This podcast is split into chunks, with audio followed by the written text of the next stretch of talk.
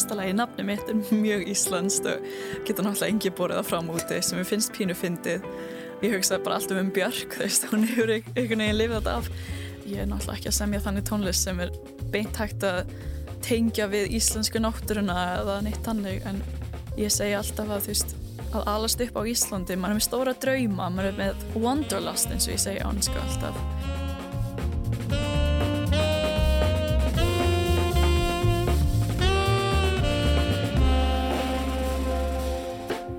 Komiði sæl, ég heit Ólafur Póll Gunnarsson og í Rokklandi í dag er Lauvi Lín í aðal hlutverki. Það er ekki á hverjum degi sem Íslands tónlistafólk lítur Grammy-velun. Það hefur þó gerst nokkru sinnum en Lauvi fekk Grammy síðasta sunnudag fyrir plötunum sína Bewitched sem er önnur stóra stúdíoplata. Ég ætla að fjalla um Lauvi í dag, spila laugin hennar og svo segir hún okkur frá sér sjálf. Ég fekk góðfúslegt leifi Höllu Harðardóttur út á skonu á Rás 1 til að nota brot úr skemmtilegu viðtali sem að hún tók við laufi í desember fyrir þátt sem að heitir Undir álögum og var á Dasgrá Rásar 1 á jóladag og er að finna á rú.is og í rú spilaranum. Appinu, apparatinu, tjekkið endilega á því. Annarkort núna strax eða þegar þið eru búin að hlusta á það sem að framfyrir hér í dag en við skulum byrja bara á Grammy-velunum á sunnudaginn þegar Laufey hlaut þessi eftir sótustu tónlistavelun heims ég held að Grammy-velunum séu það og sá sem að afhendinni velunin kynntan á svið var Rufus Wainwright sem að held um tónleika í Reykjavík í Sillubergi hörpu í mæ 2022 sem Rás 2 tók upp And the Grammy goes to Livy! Wow, thank you all so much. This is incredible. I never in a million years thought that this would happen. Um, I'm Leve, and I just want to thank my lovely team and my parents, my, my grandparents, and, uh, for introducing me to music, and the classical and jazz communities of the world that have taught me so much. I owe everything to them, and the biggest thank you to my twin sister, Yunia, who is my biggest supporter and has helped me through this most exciting time in my life. Thank you so much. Thank you.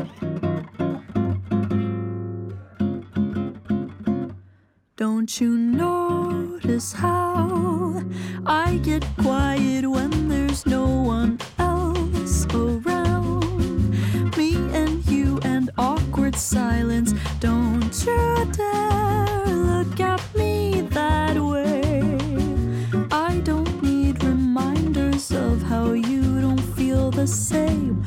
Oh, the burning pain. Listening to you heart bump out some new soulmate. She's so perfect, blah, blah, blah. Oh, how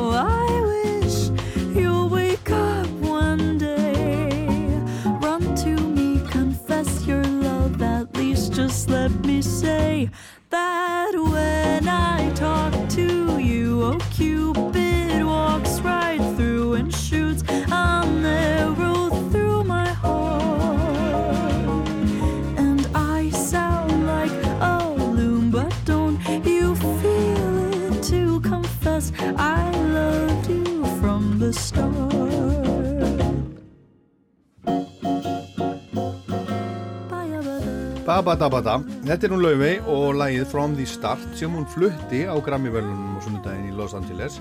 Bara rétt áður en að hún hlaut sín velun í flokknum Best Traditional Pop Vocal Album.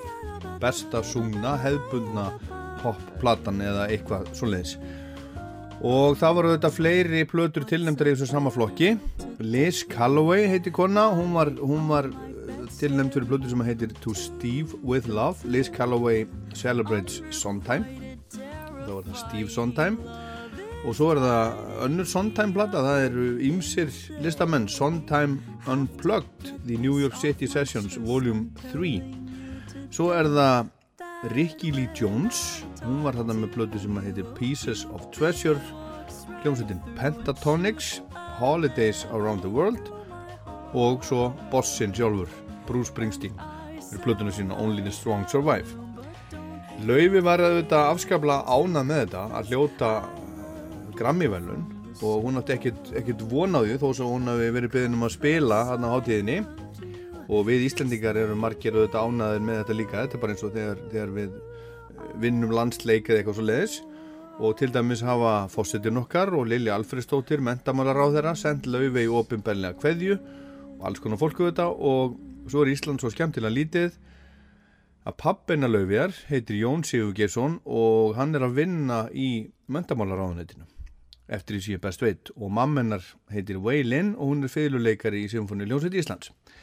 En það var ekki nóg með að hún laufi hliti þessi, þessi velun, þessa miklu upphauð og flytti lægið sitt heldur komun líka fram á Grammiháttíðinni svona undir lokin, undir það síðasta var þar gestur með gamalli hetju spilaði með henni eða honum á selló Time for what so many have been waiting for. And when I say waiting, I mean waiting 30 years. Because tonight is the return of the Piano Man.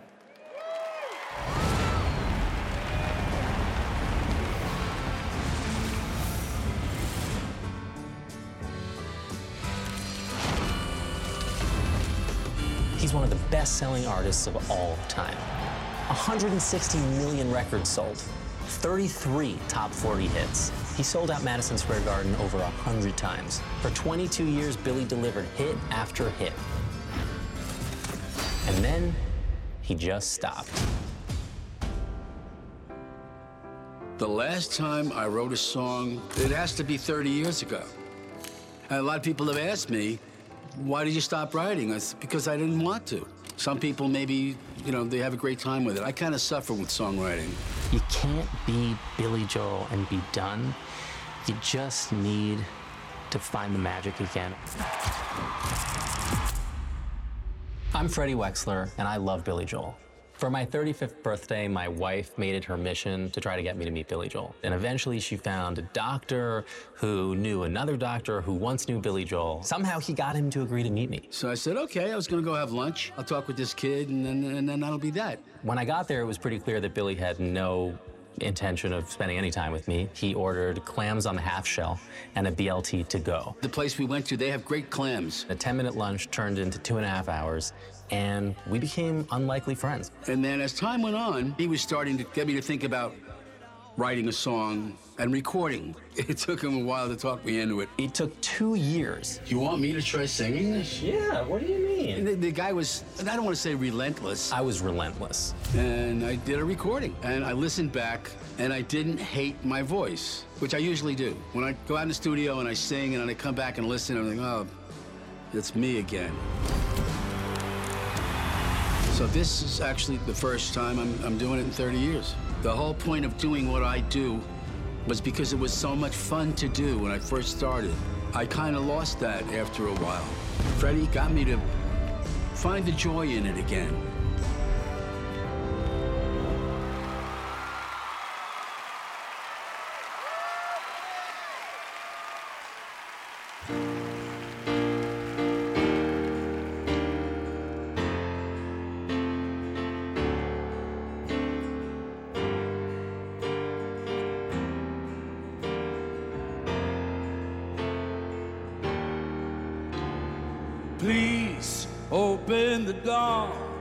Nothing is different.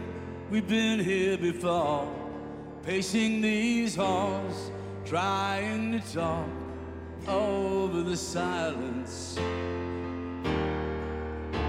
And pride sticks out his tongue, laughs at the portrait that we become. Stuck in a frame, unable to change. I was wrong.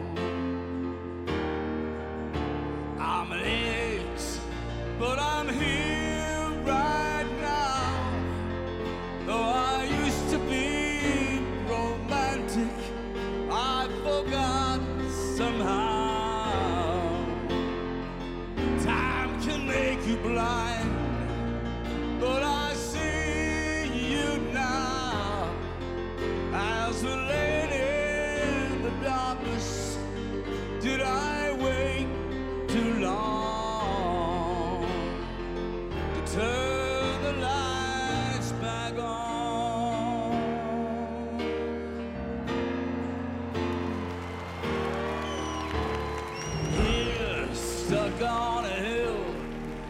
Outsiders inside the home that we built. The cold settles in, spin a long winter of indifference. Maybe you love me, maybe you don't. Maybe you learn to, and maybe you won't. You've had enough, but I won't give up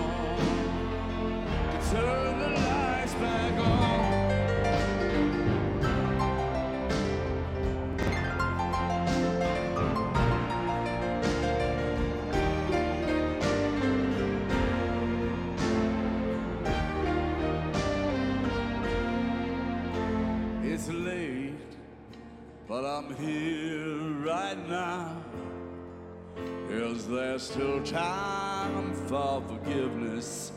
Won't you tell me how?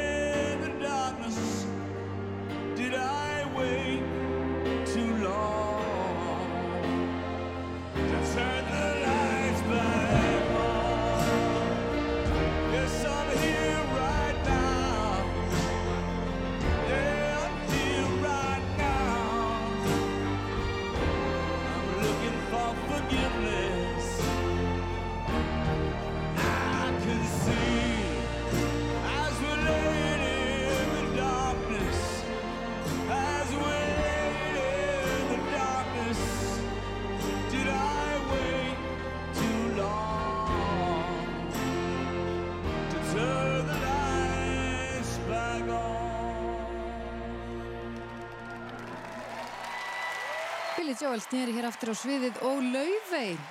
Þau eru þarna bara bak í bak. Hún alveg eitur svöl á selónu og Billy með nýtt lag. Og hann fekk svona kynningu eins og ungu krakka það mér að segja. Það var bara ansið skemmtilegt. Þetta nýja lag hans Turn the Lights Back On. En ennþá skemmtilega svo Laufey. Saði Lofísa Rödd sem var kynir í grammi í útsendingunni og gerði það afskaplega rösklega og vel og saði okkur frá alls konar skemmtilegu hlutin sem, sem kryttuð útsendinguna. En þarna var Laufísa Rödd að spila með Billy Joel. Satt á bakveðan með sellóið og þetta var bara mjög skemmtilegt. Og þetta er fyrsta lægi sem hann hefur samið í 30 árhugsið ykkur. Hann saði hérna áðan að hún þetta erfitt og streituvaldandi að semja lög. En hann er núna að fara í stóra tónleikaferð um bandaríkin og Stevie Nicks, Sting og Rod Stewart alltaf skiptast á að hita upp fyrir hann. Hann er að, hann er að, hann er að klára, hann hefur, hann hefur árið saman spila reglulega í Madison Square Garden á heimavelli í New York og hann ætlar að hætta því og síðustu tónleikarnir er hann búin að segja verða núna 20. og 5. júli hann er búin að spila, sögðan ekki hérna á hann, hundrasinnum í Madison Square Garden. Ég ætla að spila fleiri brot úr Grammy-háttíðinni hérna síðar þættinum. Þetta var svona smá útúrdúr. Nú er það Laufey sem er í aðallutverki. Hún er fætt í Reykjavík 1999, 25 ára núni ár. Hún er tvíburi á þess að tvíbura sýstur sem heiti Júnia og þær fengu báðar tónlistaröppeldi. Hennar aðalljóðfæri er, er fiðla, þar sé að Júniu og það er líka hljóðfæri móður þeirra sýstra og foreldrar hennar, þar sé að amma og afi sýstrana eru tónlistar fólk, tónlistarprofessorar í Beijing í Kína. Mamma þeirra hefur alltaf talað við þær kýmvensku og fjölskyldan var oft, oft lengi í Kína á sumrin þegar þær sýstur voru að vaks og grasi og Laufey var fjóra ára gömul þegar hún byrjaði að læra á piano í Suzuki skólan.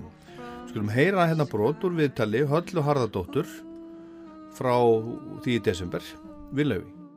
Já, ég, ég byrjaði að læra á piano fjögur ára og var í Suzuki skólanum hér og svo þegar ég var 7 eða 8 ára þá fengu ég og, og sýsti mín báðar fiðlu. Og ég sagði við mömmu langar ekki að spila fiðlu, þetta er pyrrandi hljóðfæri. Hún er alltaf fiðluleikari og afi minn líka fiðluleikari og ég held að mér langaði að gera eitthvað öðruvísi líka. Og ég var alltaf með læri rödd þannig að ég held að mömmu fannst það passa að ég myndi spila frekar á cello. Ég er líka eldri tvýpurinn þannig að ég spila á starra hljóðfæri. Þetta meikaði sens þegar ég var áttara. En já, ég var bara mjög ánægð að vera með eitthvað sem var alveg mitt. Ég held líka að mamma gæti ekki kent mér á cello. Ég, eða þú veist, hún gæti ekki kent mér ef ég myndi spila á cello því hún er þetta ekki cello-leikari. Ég hafði rámt fyrir mér. Hún gæti þetta ennþá kent mér. En og svo byrjaði ég að syngja ég söng alltaf sem barn bara þegar maður, maður er í tónlistanámi þá syngur maður alltaf með og lærir þú veist að syngja intónin inn og svona. Það fylgir alltaf að læra og strengja hljóðfæri en ég byrjaði að syngja held ég 11 eða 12 ára og ég var alltaf með lægri rött en pop söngkonunar ég tengdi bara við söngkonur eins og Ella Fitzgerald og svona jazz söngkonur og ég held að fyrsta skipti sem ég söng í sjónvarpinu eða bara söng yfir höfuð var það var jólastjórnu keppni á jólagjastin Björgvins eða fyrir, fyrir, fyrir jólagjastin Björgvins og ég man ég sendi inn myndband og ég komst í ég komst í þannig að top 10 eða eitthvað svona. Og ég fekk að vera í sjónvarpinu og syngja lag og, og ég söng Singing in the Rain sem náttúrulega gammalt jazzlag. Ég er 12 ára algjör. Þannig að já, þetta var kannski pínu skrítið en já, það var fyrsta skiptið sem ég fann þessa rödd mm. sem ég bara hjálta áfram að já, ég synga um það jazztónlist í dag. I'm singing in the rain Just singing in the rain. What a glorious feel And I'm happy again.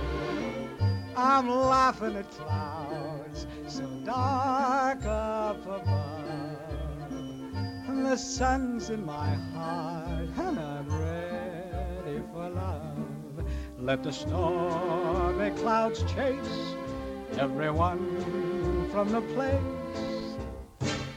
Come on with the rain, I've a smile on my face. I'll walk down the lane with a happy refrain, just singing Þetta er lagið Singin' in the Rain og samnendri kvikmynd frá 1952, Gene Kelly syngur.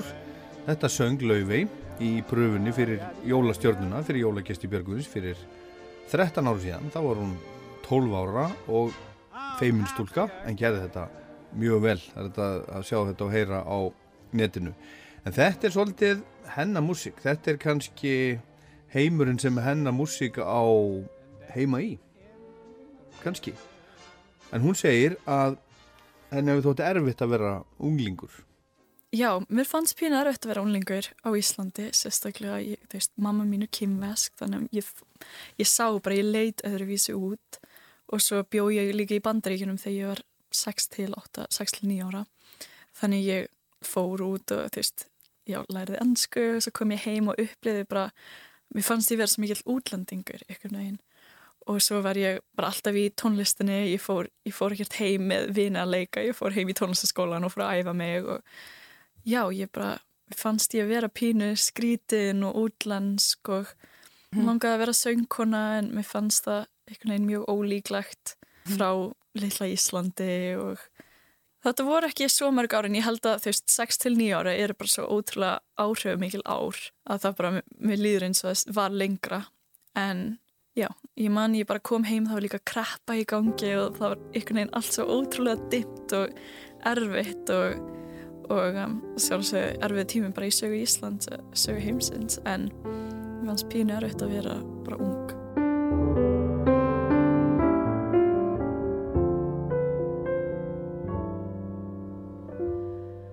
Look at me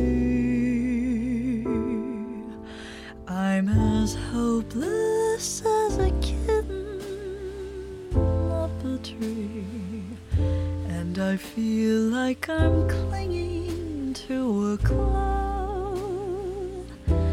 I can't understand. I get misty. Just hold.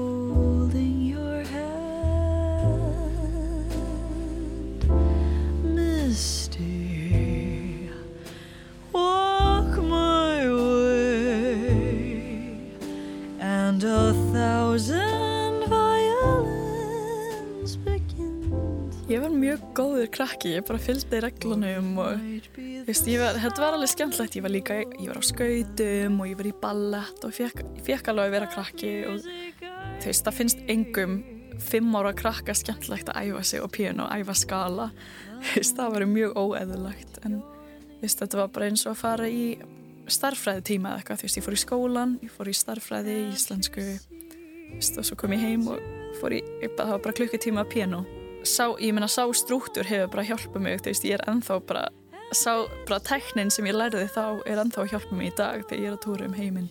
En það var mjög gott uppeldi ég er mjög ánæg með það og stundum vildi ég gefa staðins upp en mamma þá, hún sagði bara hún ítti mig aldrei of mikið, þú veist. Hún sá samt alltaf að ég hafði svo miklu ástriði fyrir tónlistina og hún vildi sjá til þess að ég myndi ekki hætta endanlega og svo sjá eftir því ég var eldri.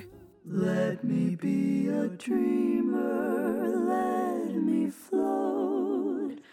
I can see the whole world from my own little cloud up by the Milky Way. I'll stay here forever and a day.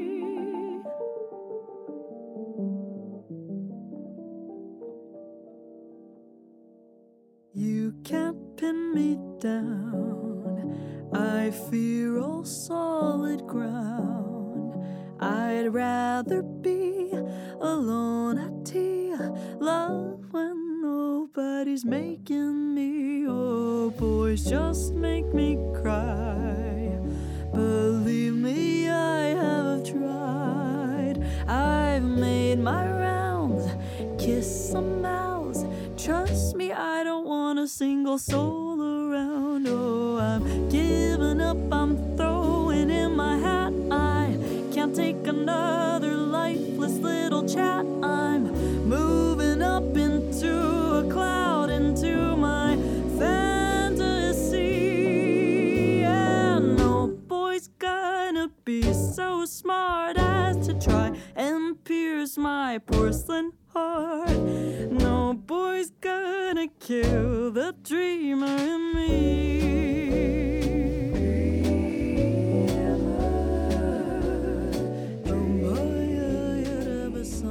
Þetta er uppháslag Plutunar Bewitched sem hún lögum hlaut gram í stýttuna fyrir, fyrir viku sem er önnur plataninnar, önnur stóra platan en Laufi hefur algjörlega sitt sound þetta er, við getum sagt að þetta sé kannski gamaldags músík og ég er alls ekki að segja það á neitt niðrandi eða leðilegan hátt. Þetta er, þetta er, þetta er kunnulegt og ég held að það sé það sem að heitlar fólk við þetta. Þetta er svona jazz, skotið, nútíma pop.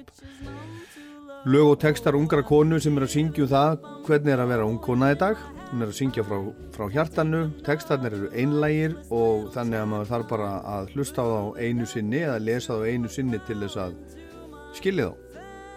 Já, það, það er náttúrulega nostalgía í í tónlistinni. Að hún hljómar eins og hún sé stundum ekki frá þessari öld eða, eða já lögin í mínum huga vilja lögin séu öll eins og lítil bíómynd og bara eins og ykkur minning eða eitthvað til að koma þur frá hverstagsleikanum ef það mikar sens það, það er eitthvað sem ég hugsa mikið um og ég er náttúrulega erfitt með að sleppa hlutum ég er svo romantísk veist, ef eitthvað gerist millir mín og ykkurum ykkurum þá bara, já, ég romantísra það mjög mikið, eitthvað svona pín lítið verður að heilu lægi ég segi alltaf, þú veist, textin er mjög þú veist, þetta er bara nútíma texti, þetta er um lífi mitt þetta er bara dagbókin mín. Og, en tónlistin hljómurinn svo hann sé kannski frá einhverju mynd eða einhverju bara jazztímanum I'll never forget how stupid in love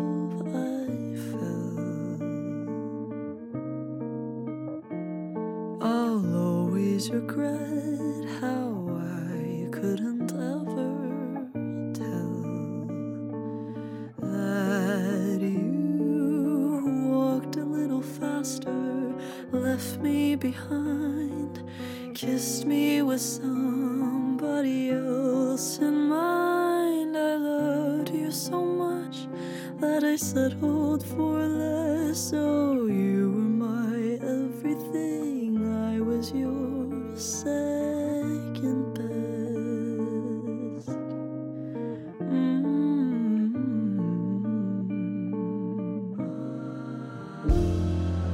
Lying awake, I'd watch as you dream at night. Nightingale singing half-hearted lullabies.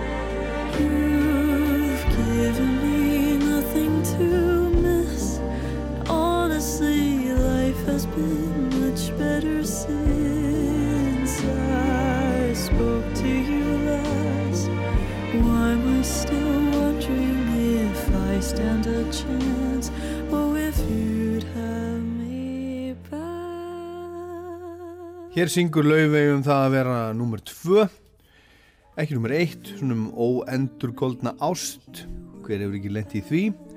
Og það er eitt af þeir sem að heillar við laufey og hennar músík, vilja margir menna, þessi, þessi einlægni, við könnumst öllu við þetta sem hún er að syngja um og svo er þetta uh, næs og svo er þetta alveg afskaplega velgert, gríðarlegar hæfileikar og, og mikil vinna á baku þetta allt saman.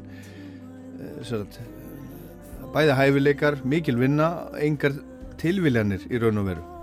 Laufey Olsen satt upp í Reykjavík til 6 ára aldus, þá flutti fjölskyldan til Washington DC í þrjú ár. Sýsturna voru nýjára þegar þær komu áttur, Laufey og Júnia, gengu í Altamira skóla, heldu áfram í tónlistaskólanum sem heitir núna MIT, mentaskólinn í tónlist.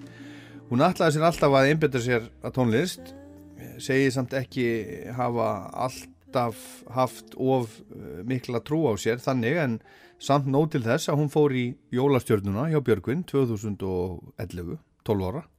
Hún fór í Iceland Got Talent 2014 og 2015 og svo reyndi hún fyrir sér í The Voice líka 2014, komst langt á, eða í öllum þessum, þessum keppnum í rauninni á þess að sigra, en hún eða þær sýstur sigruðu svo í söngkeppni Samfjers 2014 þegar það voru 14 ára.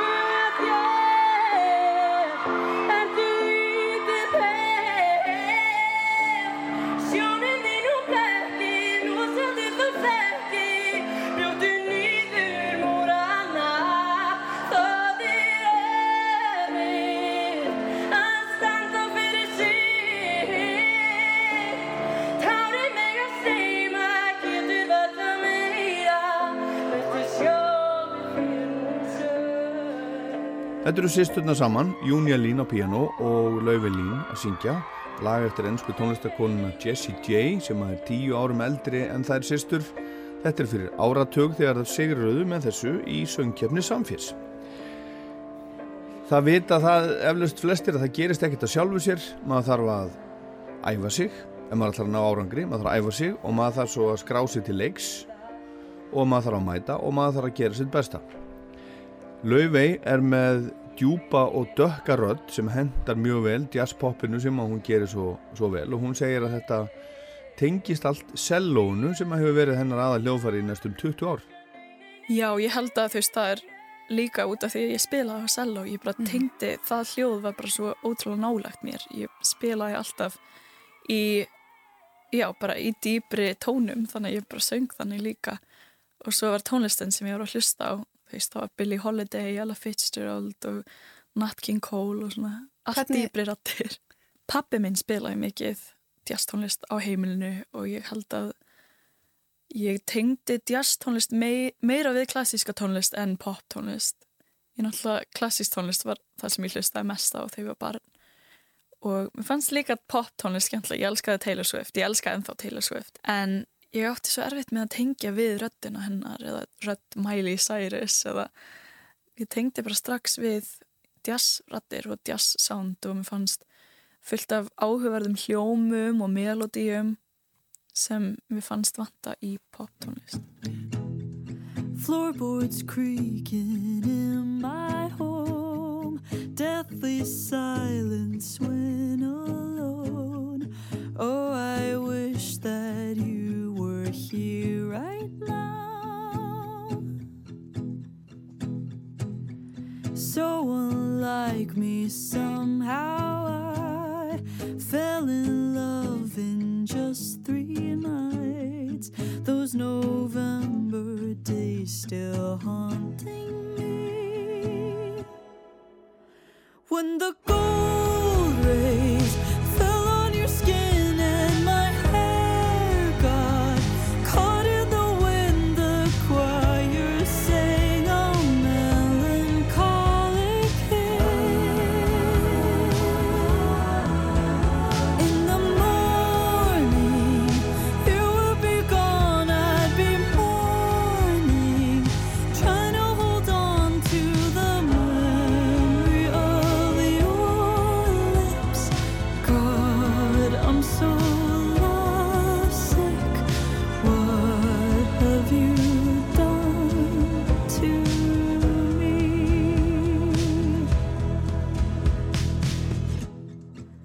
Me in your atmosphere, inching closer, but I fear that I'll love so much you'll slip away. Getting twisted in my head,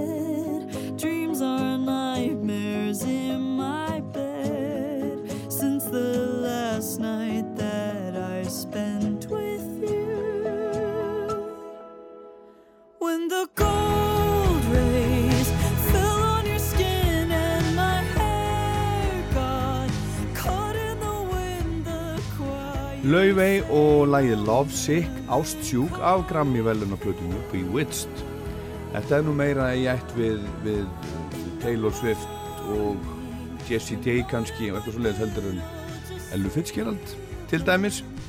Laufey leikur sér með ímsa stíla og það finnst mörgum með mér svo skemmtilegt. Það er eitt af því sem að bítladir til dæmis gerðu svo vel. Besta hljómsveit í heimi. Ég meina, það er alltaf erfitt að heyra eitthvað svona frá þú veist, klassískum heimi eða jazz heimi. Ég náttúrulega virði þetta fólk svo ótrúlega mikið og virði jazz tónlist og klassíska tónlist svo ótrúlega mikið.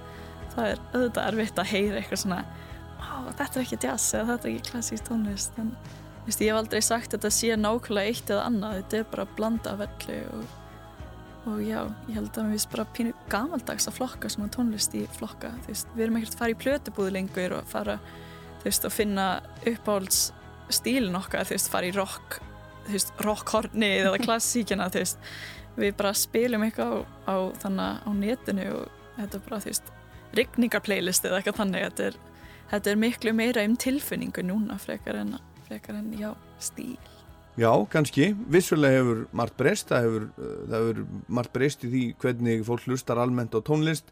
Áður fyrir var það bara annarkvort útvarpið sem að fólk kveikt á, heyrið það sem að var þar eða þá að það setti plötur á fónir heima hjá sér en núna getum við náttúrulega valið okkur alls konar playlista og allt svo leiðis eins og Laufi segir.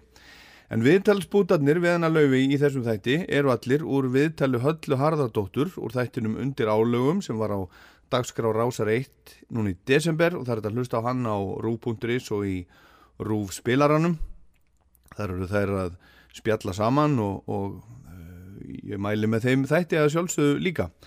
Laufey fór í Vestló eftir grunnskóla, fór á Hagfræðibraut en var alltaf á meðan í tónlistaskólanum og eftir Vestló, þegar hún var búið með Vestló, sótt hún um skólavist í Berklee College of Music í Boston, eitt virtasta tónlistaskóla bandarækjana.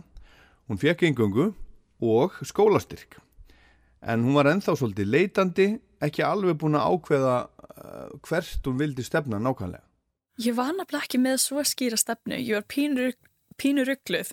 Ég, styrkurinn var fyrir selló, en ég var líka söngkona og hún langaði að semja tónlist, en ég var ekki byrjuð að semja og vissi ekki hvernig ég átt að gera það. Og já, ég var klassískur sellóleikari, jazzsöngkona og eitthvað inn á milli á piano. Þetta var bara að blanda af öllu og ég elskaði poptónlist líka.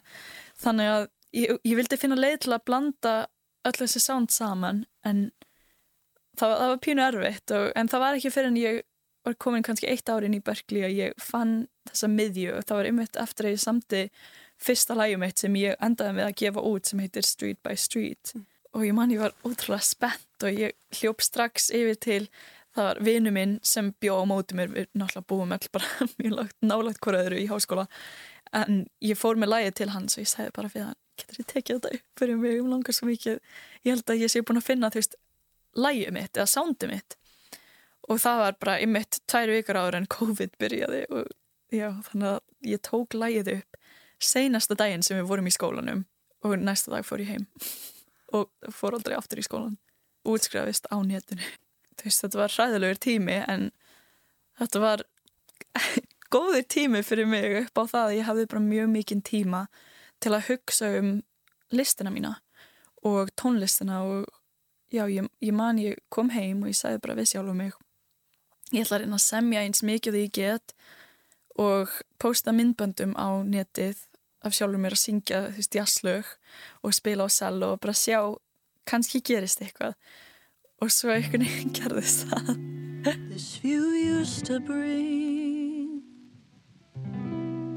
a smile to my face. Lately it's done nothing but remind me of the way the way that you used to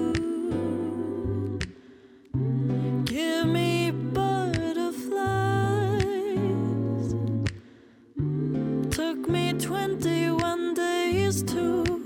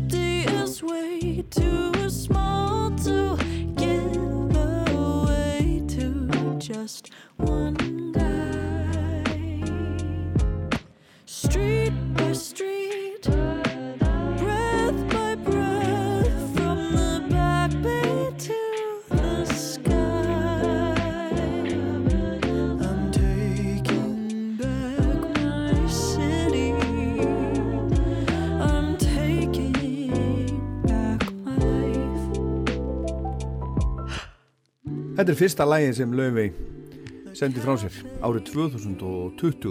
Fyrsta lægi sem hún samdi í raun og veru, kláraði og þetta lag er með 22 miljónir spilana á Spotify til dæmis. Það er rosalegt. En það eru samt lögmeðinni sem eru miklu meira spilu heldur en þetta. Það er svo erfitt að lýsa stílnum mínum. Ég meina, ég náttúrulega er jazzmettuð og klassískmettuð og ég nota það, ég meina alltaf nota það í tónlistin minni. Ég meina, í hausnum mínum er þetta bara tónlist. Ég meina, þetta er poptónlist. Ég er náttúrulega tónlistin sem ég sem líkist poptónlist þú veist, í 1955 eða eitthvað þannig. Þannig að pínu erfitt að segja en ég held að þetta er bara einhver blanda af jazz og pop og klassísk og bossa nova og Já, það er oft erfitt að setja hluti í hillu eða, eða skúfu eins og til dæmis um, tónlistamenn og ég, í svipin man ekki eftir einum einasta tónlistamanni eða hljómsveit í svipin sem hefur sætt sér við hilluna sem að einhvern veginn heimurinn hefur sett hann í. Þessi hljómsveit er svona hljómsveit og þessi svona. Þetta er alls konar. Hver listamæður er einstakur. Og saga Laufeyjar er merkileg og áhugaverð að mörgu leiti, hún hefur slegið í gegn á mjög stöttum tíma og hún hefur farið sínar eigin leiðir og það má segja að hún hafi komist ánga sem hún er komin á eigin vegum að mestu. Hún gerði þetta allt saman sjálf og næstum alveg. Mér finnst ég vera svo heppin að vera tónlistamæður núna að vera með þessa beina tengingu við aðdáendur, það bara breytir öllu. Ég, já, einmitt eins og ég nefndi á þann, ég byrjaði að posta myndböndum á, á Instagram og svo TikTok og var komið með aðdáendahóp áður en ég gaf út fyrstu plötuna mína og það sem það gerði var að veist, ég var náttúrulega að semja tónlist í jazzstíl og svona það, það var engin í tónlistar businessnum úti að pæla í því. Þeim fannst það bara frekar skrítið. En það að vera með netið og vera að koma með aðdóndahóp áður en ég gaf út plötuna ég, það gef, gerði mér kleift að segja þú veist, fólki í tónlistabransanum úti að, að það, þú veist, það var komið proof of concept, það er fólk sem vill hlusta á þetta. Fyrsta EP-plata mín sem ég gaf út, ég bara gaf hann út sjálf bara á netinu, bara það sem hver sem er getur gefið út, ég var ekki með plötu fyrirtæki eða nýtt hannig, það var bara ég var með umbóðsmann mm -hmm. og svona publicist og lögfræðing og, og sjálf á mig. Og svo þegar fyrsta plata mín Everything I Know About Love kom út þá náði ég, ég skrifa undir samning hjá plötu fyrirtæki en þetta var ekki venjulegur samningur. Ég áall lögum mín en þá ég áall masterinn og, og líka all, allt publishingum mitt. Ég á bæði upptökuna og lægið og sem er mjög óvenjulegt í bara heiminum, í bandaríkjunum, í tónlistabransunum og bara já, þetta er eitthvað frekar nýtt fyrirbæri en eitthvað sem ég hef hugsað mikið um og ástæðan fyrir því að ég hef gert það, eh, ástæðan fyrir því að ég get gert það er að því að ég er bara sjálf með aðdóndahópin, ég þarf ekki þannig séð á plötu fyrirtæki að halda til að til að markaðsetja tónlistina mína þú veist, þau gera það auðvitað Mhm. líka en það er svo mikil markaðsetning sem bara fer fram bara á Instagraminu mínu og TikTokinu mínu og ég sé bara svo skýrt hvað það er hægt að nota það mikið og það er röddin mín, það er enginn að tala fyrir mig, það er bara ég so enchanting in every way. It's everlasting every day. Obsession, rose bouquets. Oh, it's heaven, or so they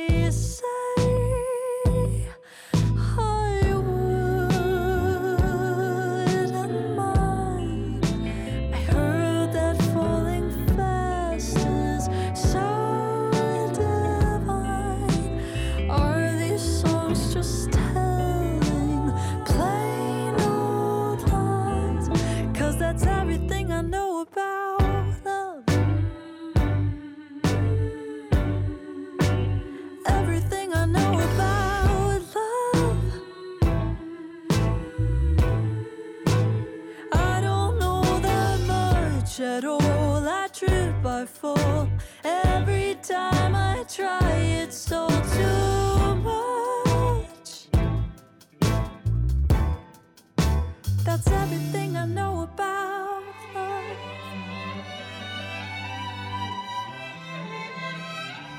Captivating angel eyes,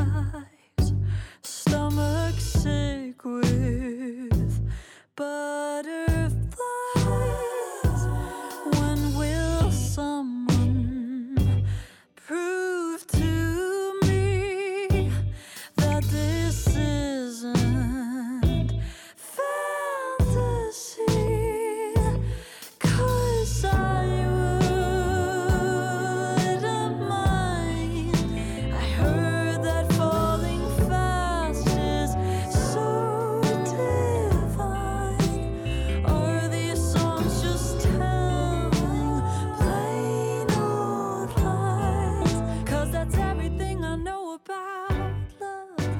Þetta er lag sem var mikið spilað hérna á Rástvö á fyrri stóru plötunennar Lauvi er Lín Jónsdóttur sem kom úr 2022 titillagið Everything I Know About Love.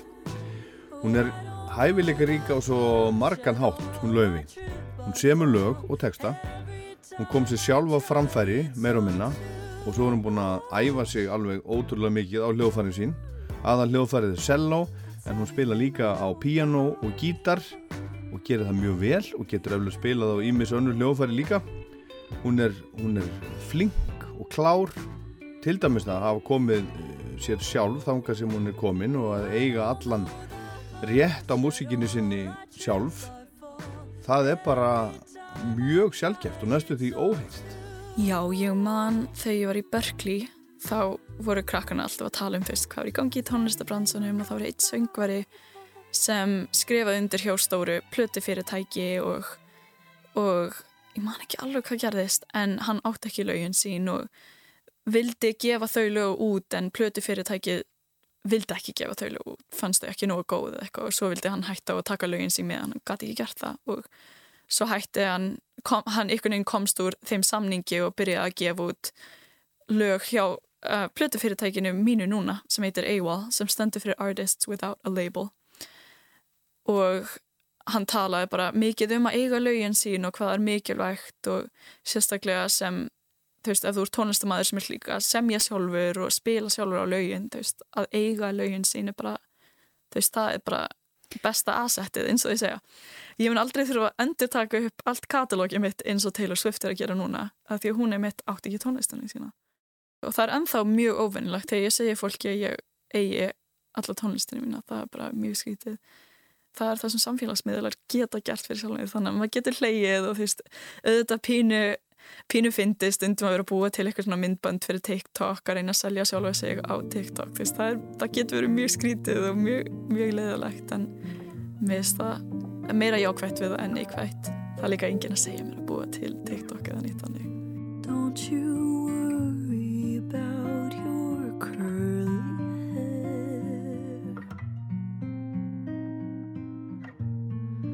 Clothes that don't quite fit you anywhere.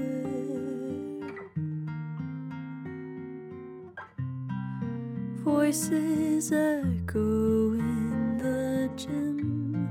Another girl's had her first kiss. Please don't think too much of it,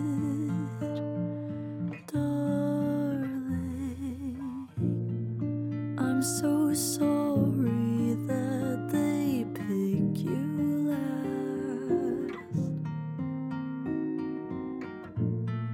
Try to say you're for and they meant laugh.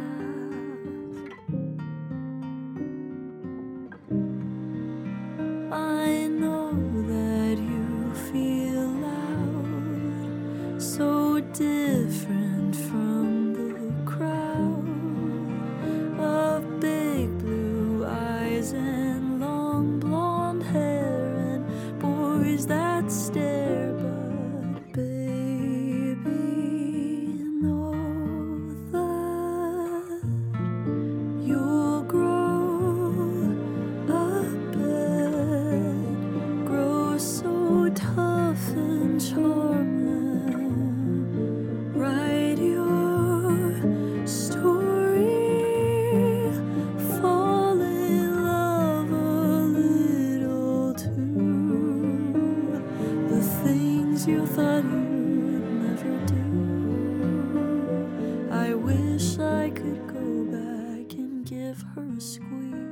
löfið að syngja til sjálfra sín 13 ára og segja þetta verður allt í lagi, þetta verður betra og hún segir að það hafi verið erfitt að vera svona 13, 12, 14 unglingur.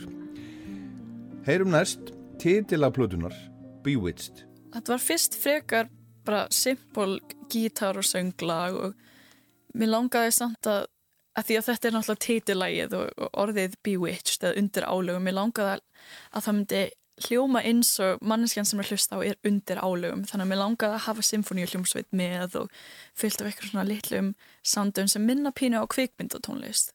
Og ég tók þetta lag upp með Philharmonia orkestrinni í London sem var mjög skemmtilegt.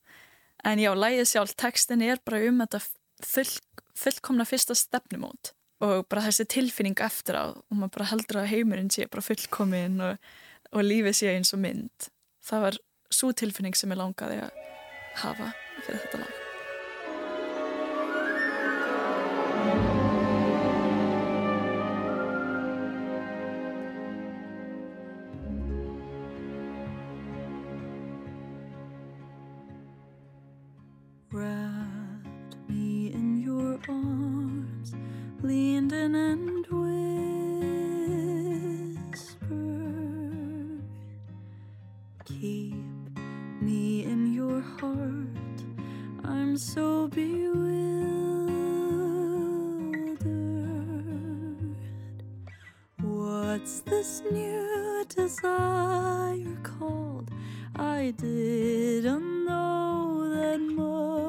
quero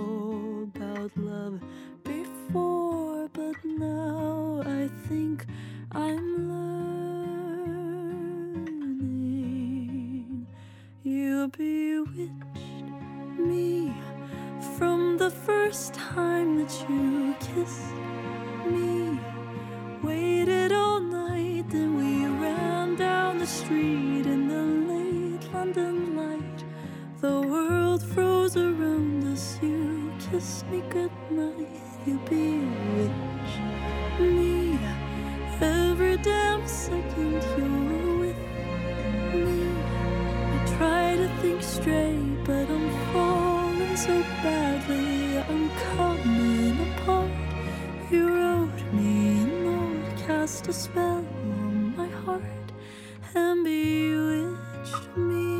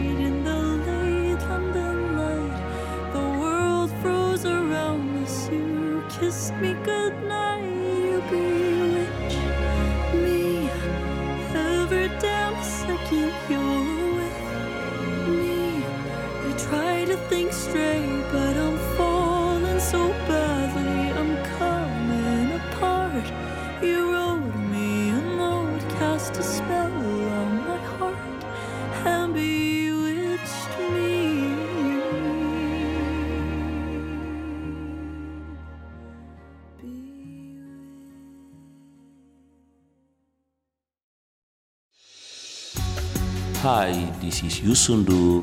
You listen to Icelandic National Radio 2. Yeah, yeah, yeah. Wow, wow, wow, wow, wow, wow.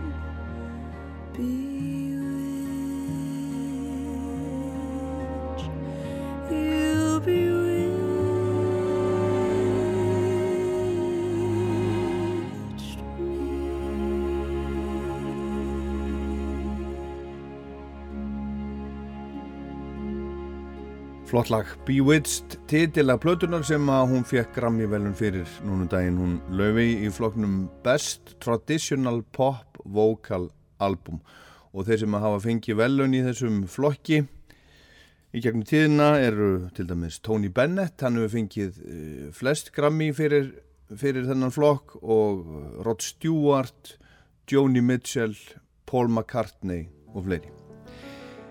Og hún lögði vei, hún er á ferð og flygjum allan heim, er búin að vera að ferðast til Asíu til dæmis til að spila og hún er búin að fara við það og það er rosalega túr framöndan. Hún ætlar að byrja á Evrópu og svo fer hún til Bandaríkjana og svo aftur til Evrópu. Það eru átján tónleikar í Evrópu, þrennir hérna heima í Eldborg 8. og 9. og 10. mars og það seldist upp á þá alla á nokkru mínútum, það var bara algjörlega fár og ég hef það eftir áraðanum heimildum að það hefði verið hægt að að bæta við örglega þrennum tónleikum til viðbótar. Og svo eru einhverjir 50 tónleikar framöndan hjá henni í bandaríkjum en hvernig ætli það sé að lenda í svona þeitivindu og hvað gerir laufi til að halda þetta út? Halda sönsum? Það er einfalt. Bara sofa nóg. Það er bara mikilvægast hjá mér. Það spyrjum við allir bara hvernig er þetta en þá gangandi? Og ég bara, ég verð að sofa. Það er bara, ég hef þú veist fært flug og svona til að sofa almenlega ef ég get ekki sofið þá get ég ekki sungið, ég get ekki unnið get ég funksjonað, það er að sofa. Góður svef Auðvitað, grundvöldur alls að sofa. En það hefur nú margur tónlistamæðurinn farið flatt á því að sleppa því að sofa í gegnum tíðina. Laufey er stór stjarnar um allan heim, það er bara þannig Grammy-velun, Metsölu Plötur, hún er sumstaðar kvölduð Nora Jones dagsins í dag en Nora Jones fór í gegnum samskonar rússibonareið fyrir 20 árum þegar hún var kvölduð Bjargvættu Jazzins eins og, eins og Laufey er kvölduð núna og núna fyrir jólinn tóku þær upp saman þrjú lög og gáfu út litla jólarplötu og Nora Jones er eina af þeim sem Laufey hefur litið upp til síðan hún var lítil stelpa. Laufey er búsett í Los Angeles og kannski má segja að það sé svolítið svona Hollywood í músikinn hennar. Laugin hennar svona meira og minna eins og, eins og litlar bíómyndir fyrir eirun. En hún Laufey sagði höll og harðardóttur þegar það spjalluðu saman í desember að það skipta hana miklu máli að vera íslensk og að hún gerði í því að halda því á lofti. Það skipti mér mjög miklu máli. Ég held að í fyrsta lagi nafni mitt er mjög íslenskt og geta náttúrulega engi borðið það fram úti sem ég finnst pínu fyndið. Ég hugsaði bara alltaf um Björk þú veist, hún hefur einhvern veginn lifið þetta af. En já, ég meina þú veist, ég er náttúrulega ekki að semja þannig tónlist sem er beint hægt að tengja við íslensku náttúruna eða neitt þannig, en ég segi alltaf að þú veist, að alast upp á Íslandi maður er bara með svo stóran maður hugsaður bara, maður er með stóra drauma, maður er með wanderlust eins og ég segi ánsku alltaf og þú veist, það er eitthvað sem við finnst alveg frekar sér Íslands þú veist, það hafa allir séð heiminn og, og við erum náttúrulega svo ótrúlega litlu landi en þú veist, ég tala mikið um Ísland og er náttúrulega, þú veist, þó ég hafi búið í bandaríkjunum alveg frekar lengi núna, þú veist ég, þú veist, þegar fólk spyrir mig hvaðan ertu ég segi bara Ísland, því ég er frá Íslandi og náttúrulega var hér í skóla að mestuleiti og já, mér finnst það bara besti að vera listamæður líka það er svo ótrúlega margir listamenn á Íslandi og fullt af tónlistafólki. Það er það fyrsta sem fólk segir alltaf við mig frá þau spyrja hvaðan ertu? Ég segi Ísland. Og þau segja bara wow þau eru með svo marga tónlistamenn. Já það er bara eitthvað sem ítir undir sköpun mm. bara að vera á Íslandi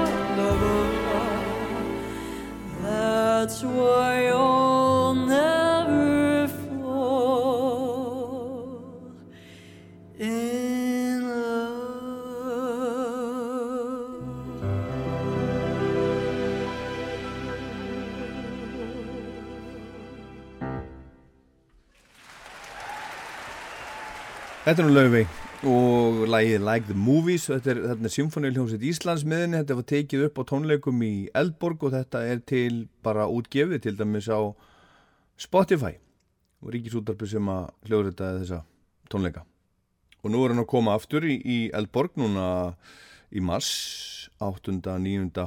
og 10. mars og það er bara eh, smekk uppselt bara seldist upp alveg bara á uh, bara einhverjum mínútum fyrst eini tónleikar, svo tvennir og þrennir. Og það hefði verið hægt að bæta við alveg alveg hellingi viðbútt, það er bara einhvern er fár í gangi.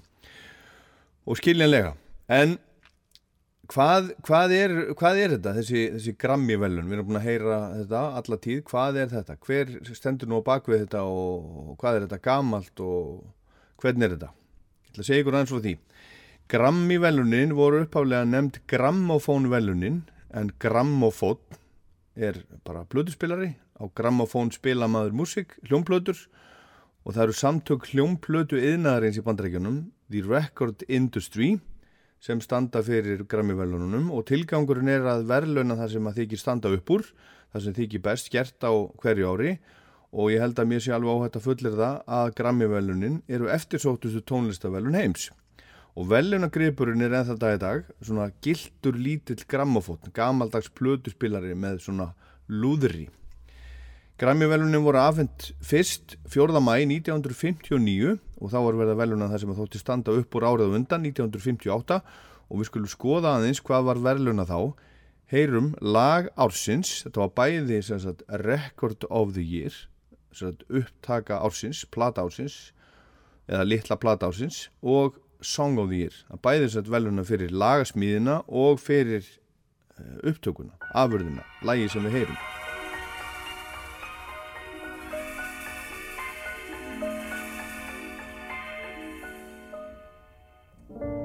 Penso che un sogno così non ritorni mai più. Mi dipingevo le mani e la faccia di blu. Poi d'improvviso venivo dal vento rapito. E incominciavo a volare nel cielo infinito. Volare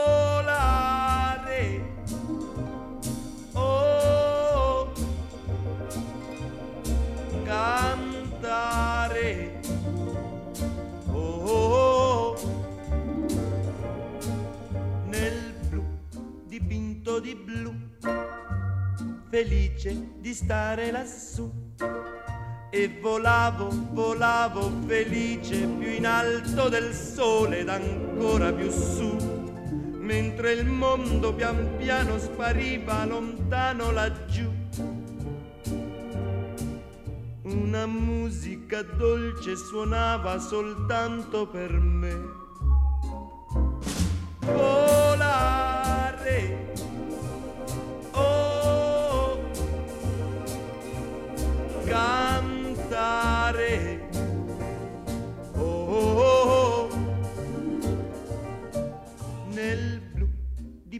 Dipinto di blu, felice di stare lassù. Ma tutti i sogni nell'alba svaniscono perché quando tramonta la luna li porta con sé ma io continuo a sognare negli occhi tuoi belli, che sono blu come un cielo trapunto di stelle. Volare, oh, cantare. Oh, nel blu degli occhi tuoi blu, felice di stare qua giù e continuo a volare felice più in alto del sole ed ancora più su, mentre il mondo pian piano scompare negli occhi tuoi blu. La tua voce è una musica dolce che suona per me. Volare.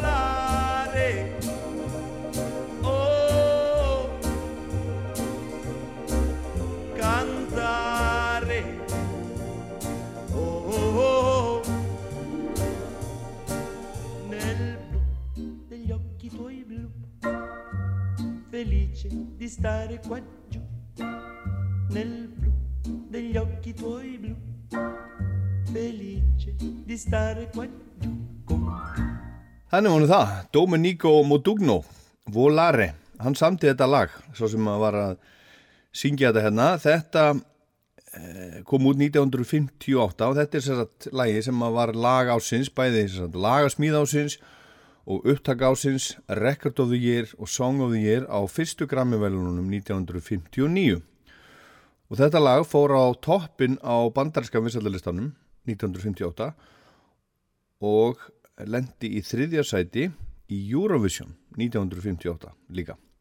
Og þau lög sem voru tilnæmt líka hérna á sama tíma í flokknum Record of the Year, það var Catch a Falling Star með Perry Como, Fever með Peggy Lee, The Chipmunk Song með David Seville and the Chipmunks og Witchcraft með Frank Sinatra. Og svo er það hinflokkurinn Song of the Year sem að þetta sigraði í líka Nel Blue di Ponto di Blue eða Volare. Þá var verið að veluna sagt, laga höfunda fyrir lagasmíðina. Þar var tilnæmt líka Catch a Falling Star sem að Perry Como söng. Þar var lag sem að heiti Gigi sem að Victor Moan söng. Fever sem að Peggy Lee söng. Það var líka tilnæmt þar og Witchcraft, Frank Sinatra. Þannig að það var svona meira meina sömu lögin, lagasmíðarnar og, og í rauninni útgefna lægið. Og svo er það plata ásins 1958, eða 59, þegar Grammy-velunni voru afhengt fyrst, þá voru tilnæmdar Only the Lonely með Frank Sinatra, Come Fly With Me líka með Frank Sinatra, Ella Fitzgerald sings the Irving Berlin Songbook, Ella Fitzgerald er sjálfsögðu, og svo Tchaikovsky, Concerto No. 1 in B-flat minor opus 23, Van Cliburn, og svo Henry Mancini, The Music from Peter Gunn.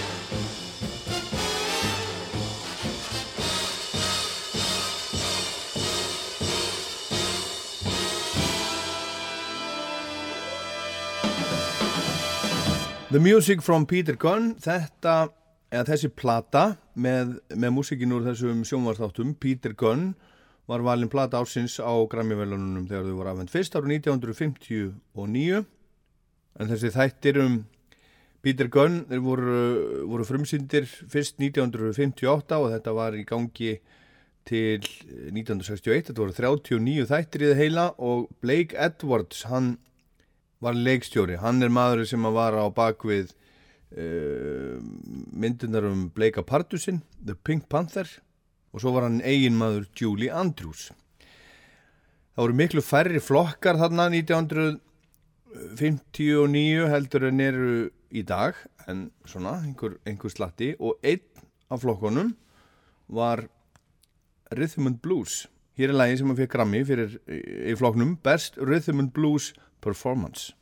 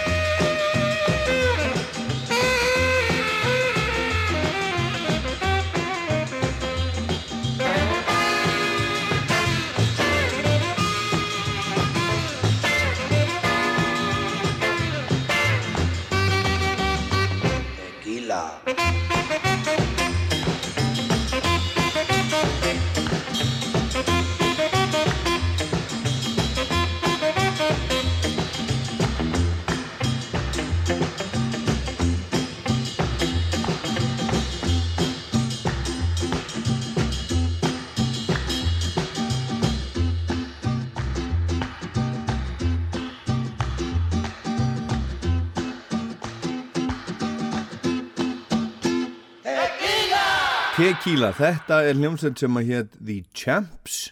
Þetta er eftir náunga sem að hétt, uh, kallaði sér Chuck Rio. Og þetta fór í fyrsta sæti á bæði R&B lista Billboard og á stóra vinsaldalistanum, aðal vinsaldalistanum 1958 þetta var svo Best Rhythm and Blues Performance.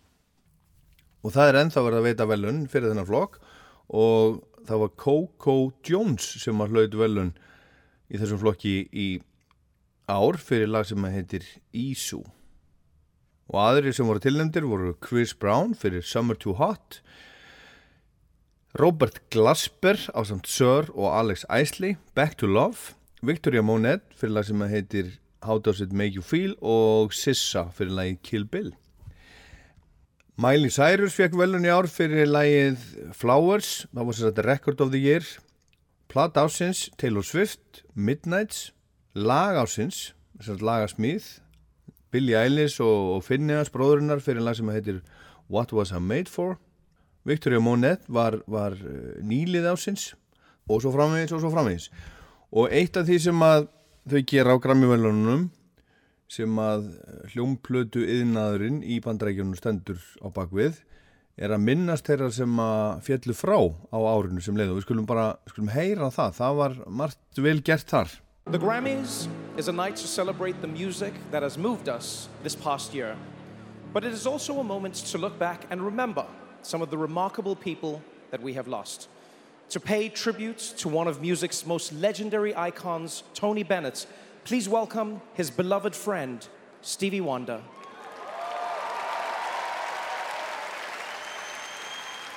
Thank you. You know, I remember hearing Tony Bennett singing for once in my life when I was like 13 or 14 years old. And then I went in the studio with Henry Cosby and I said, I got an idea for a song, and I did the song. The writer of the song said, What are you doing to my song? It was for once in my life. But what's amazing is I was able to actually sing the song with someone that I admired for so long. Not just because of his voice, which was incredible, but because of his art, his love for art, his love for peace, his love for unity, his love for civil rights.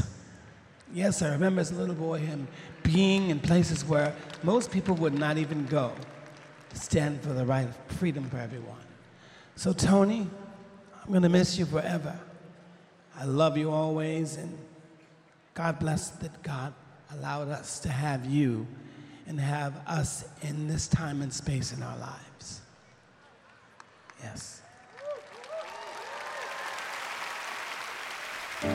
Once in my life, for once in my life, I have someone who needs me. Someone I needed so long. Once unafraid, I can go where life leads me. And somehow I know I'll be strong. For once I can touch what my heart used to dream of long before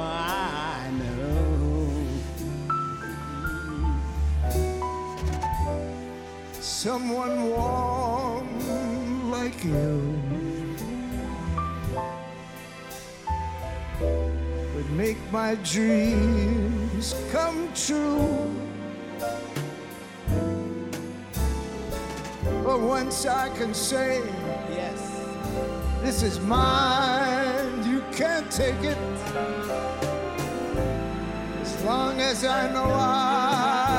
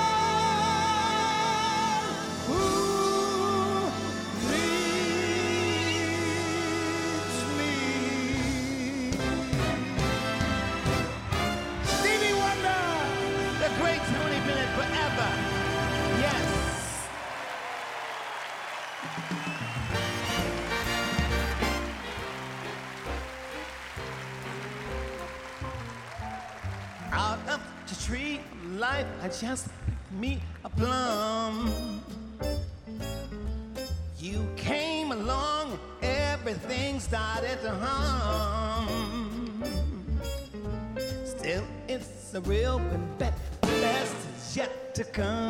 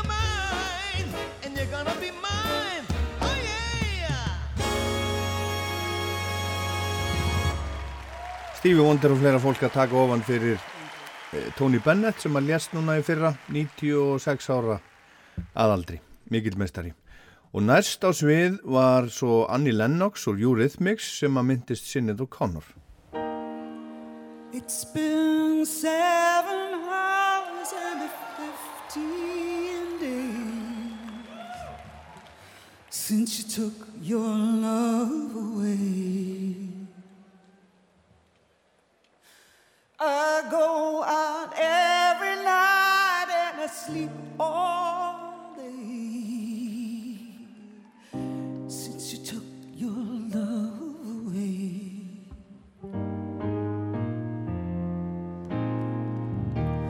Since you've been gone,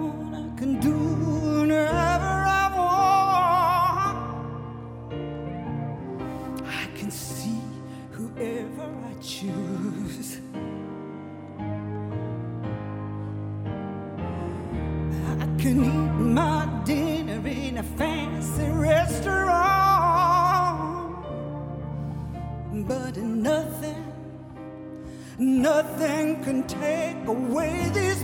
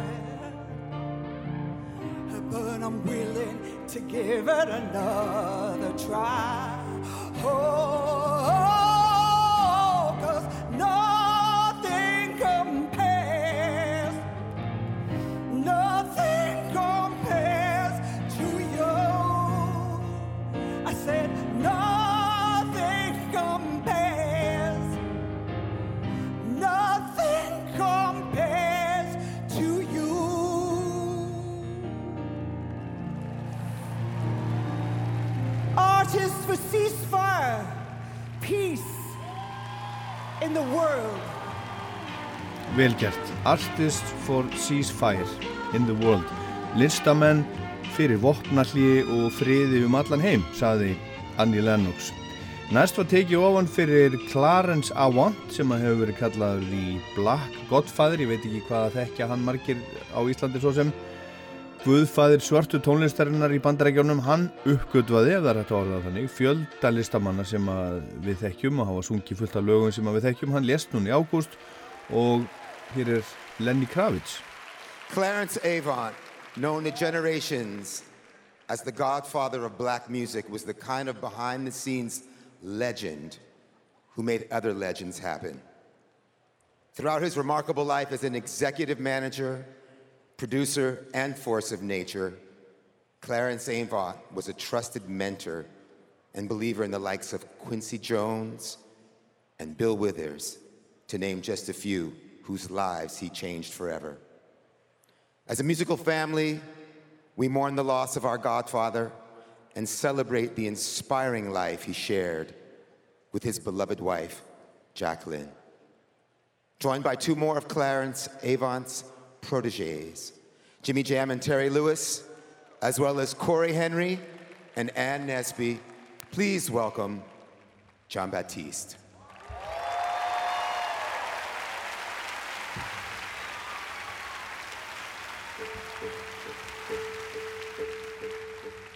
Ain't no sunshine when he's gone. Only darkness every day. Ain't no sunshine when he's gone. In this house just ain't no home. Anytime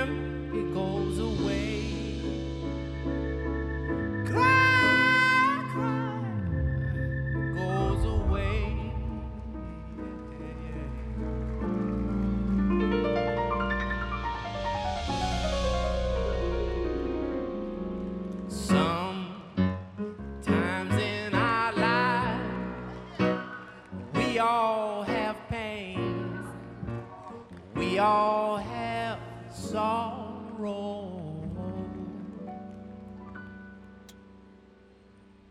But if we are wise,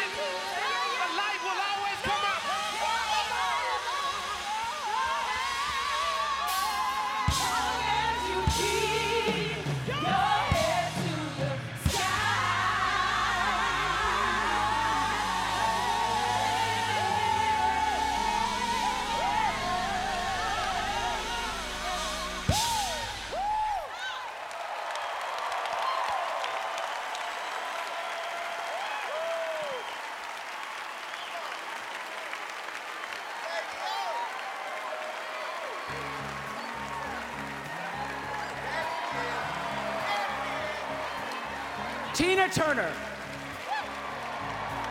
was always a towering figure. She is our forever goddess of rock and roll, who inspired millions, a moving symbol of grace and grit, soul and power. Our love and respect for Tina grew as we witnessed her bravely reclaim her freedom. From the moment I met Tina, first as a fan, then later blessed to become her friend, she was a special kind of role model. She used to say to me, Oprah, you should always dress up for dinner, even if no one else is there, just so you feel beautiful to you, for yourself. And as those big wheels of time keep on turning, Tina's voice continues to speak to all of us. And tonight, to honor Tina Turner, her memory with her own empowering voice, joined by Adam Blackstone, this is Fantasia Barrino.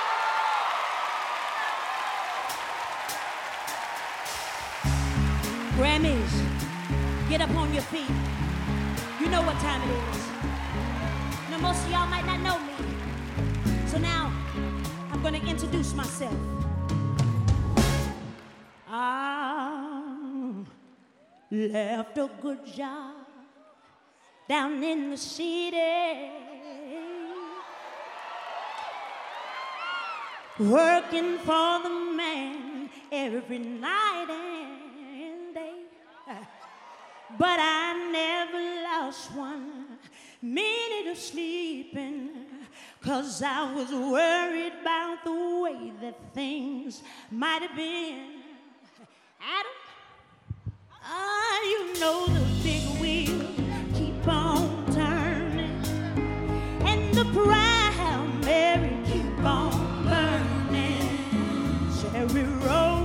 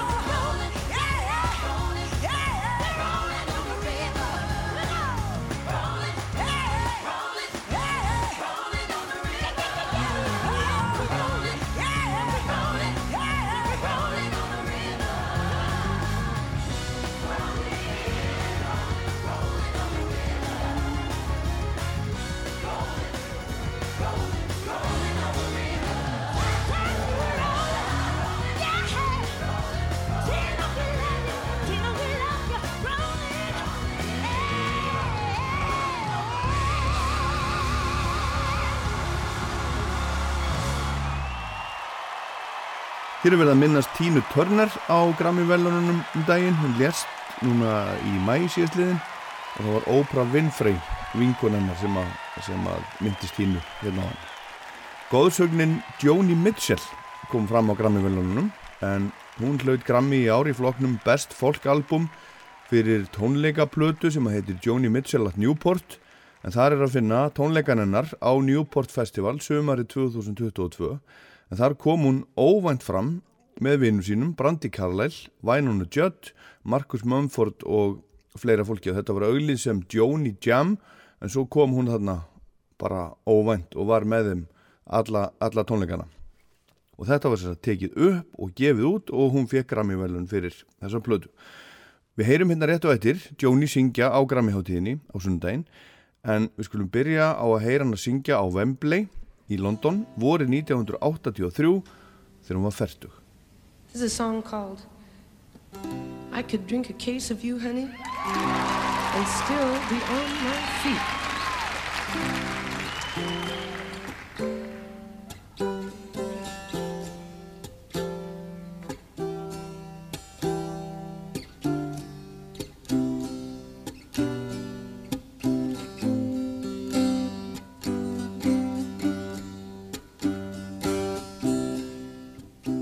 Just before our love got lost, you said, I am as constant as a northern star, and I said, constantly in the darkness, where's that at? If you want me, I'll be in the bar. On the back of a cartoon coaster,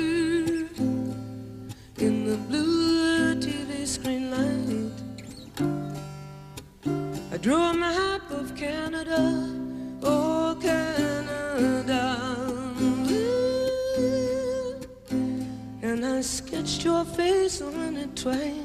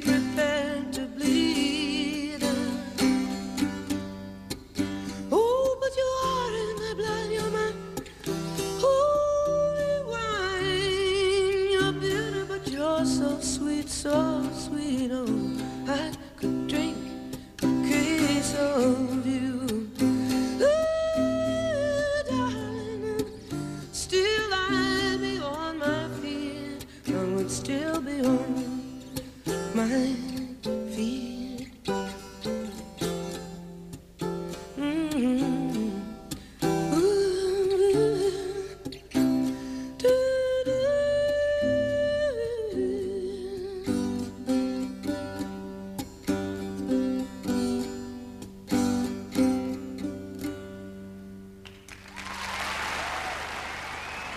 Joni Mitchell árið 1983 á Wembley í London og lægið Case of You sem kom út á plötununnar Blue 1971 en, en sagan segir að hún hefði samið þetta um fyrrum ástmannsinn Graham Nass sem var í Crosby, Stills og Nass og hún er ekki að spila hann á gítar heldur er hún að spila á Dulcimer, Appalachian Dulcimer. Joni er séni hún hafði ekki uh, komið fram á tónleikum í mörg ár þegar hún spilaði á Newport Festival fyrir tveimur árum og fikk heila blóðfall árið 2015 þurfti í kjölfarið að læra alls konar hluti upp og nýtt ganga, tala, syngja, spila og gítar og margt fleira. Og hún hefur verið að vinna í þessu þetta er ábyggilega mikil fjallganga en hún kom sérsagt svo fram á sunnudaginn á Grammy-velunum Joni neldi sér í fyrstu Grammy-stittuna árið 1969 fyrir blötu sem að heiti Clouds aðra plötuna sína í flokknum Best Folk Performance og þetta voru nýjundu Grammy-velunin sem hún næli sér í núna í ár. Og Joni er ótrúlega mikill meistari. Einn áhrifamesta tónlistakona sögunar og bara einn áhrifamesti tónlistamaður sögunar, bursja frá öllum kynjapælingum, frábær laga og textasmiður, frábær gítarleikari og svo framvegis, algjör töffari. Og það eru Joni heiðustónleikar í salnum í Kópavói núna í mars, tjekkið endilega á því, getur fundið það á Tactics en við skulum hlusta á Joni á Grammy-velunum núna daginn. It is now time for a performance from one of the greatest of all time, Joni Mitchell.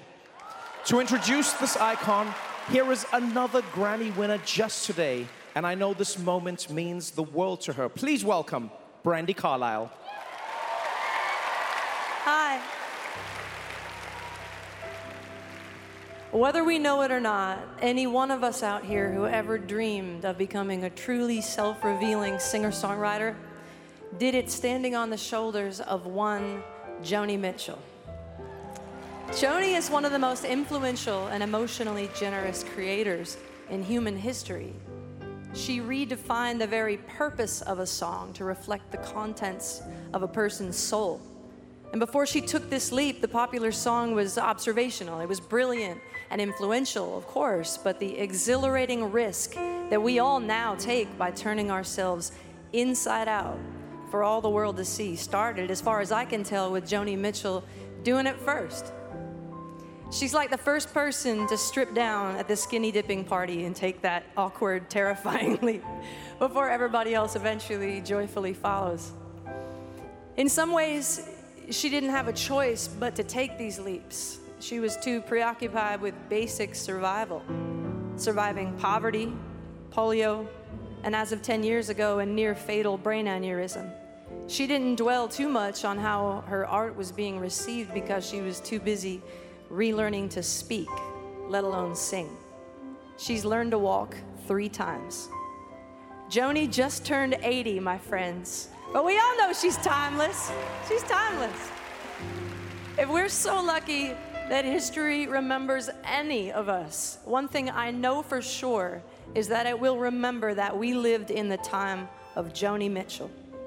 Today, she just won the Grammy for Best Folk Album 56 years into her singular career and singing tonight for the first time ever on the Grammy stage, accompanied by Lucius, Sister Strings, Allison Russell, Blake Mills, and Jacob Collier. Please welcome the matriarch of imagination, a true Renaissance woman, my hero and yours, Joni Mitchell.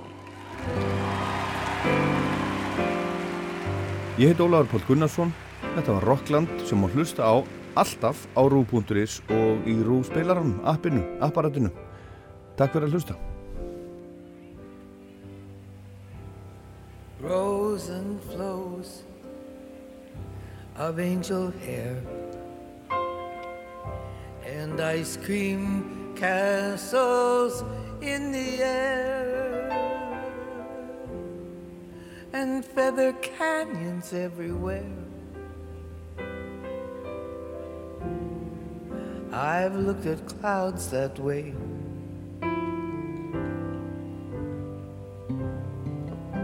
But now they only block the sun.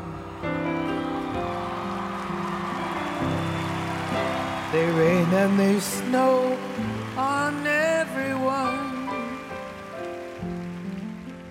So many things I would have done. But clouds got in my way. I've looked at clouds from both sides now, from up and down, and still somehow it's cloud illusions that I recall. I really don't know clouds at all.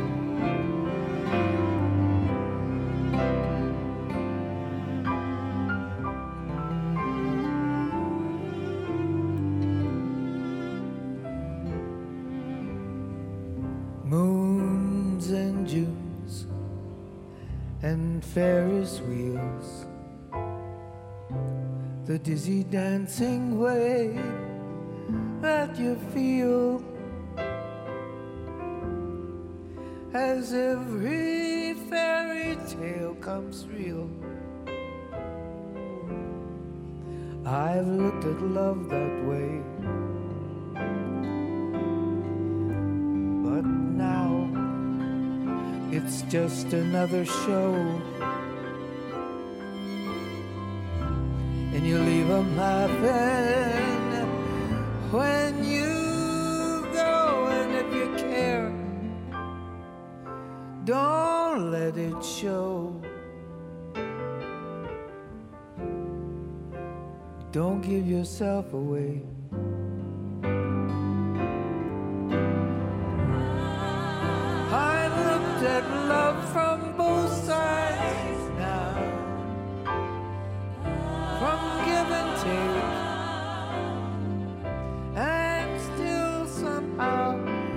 Love's illusions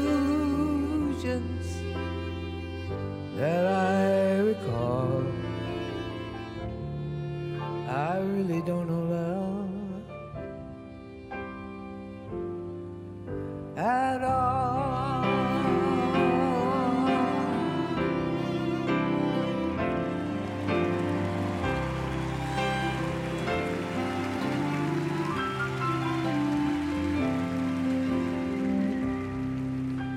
And fears and feeling proud to say I love you right out loud. Dreams and schemes and circus crowds. I've looked at life that way.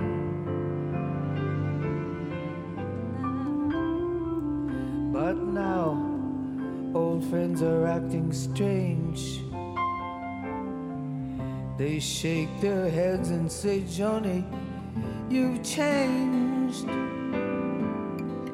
Well, something's lost, but something's gained in living every day.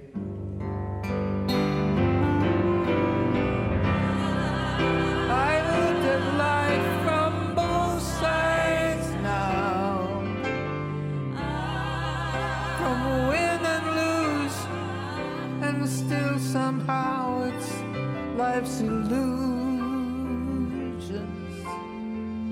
that I recall.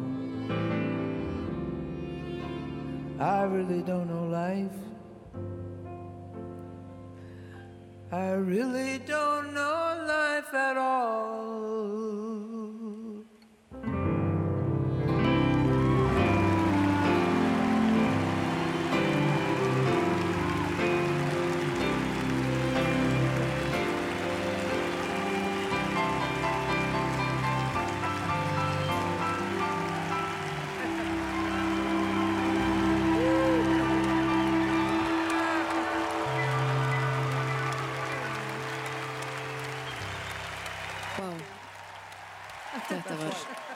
Ladies and gentlemen. The one and only, the incomparable Joni Mitchell. Congratulations.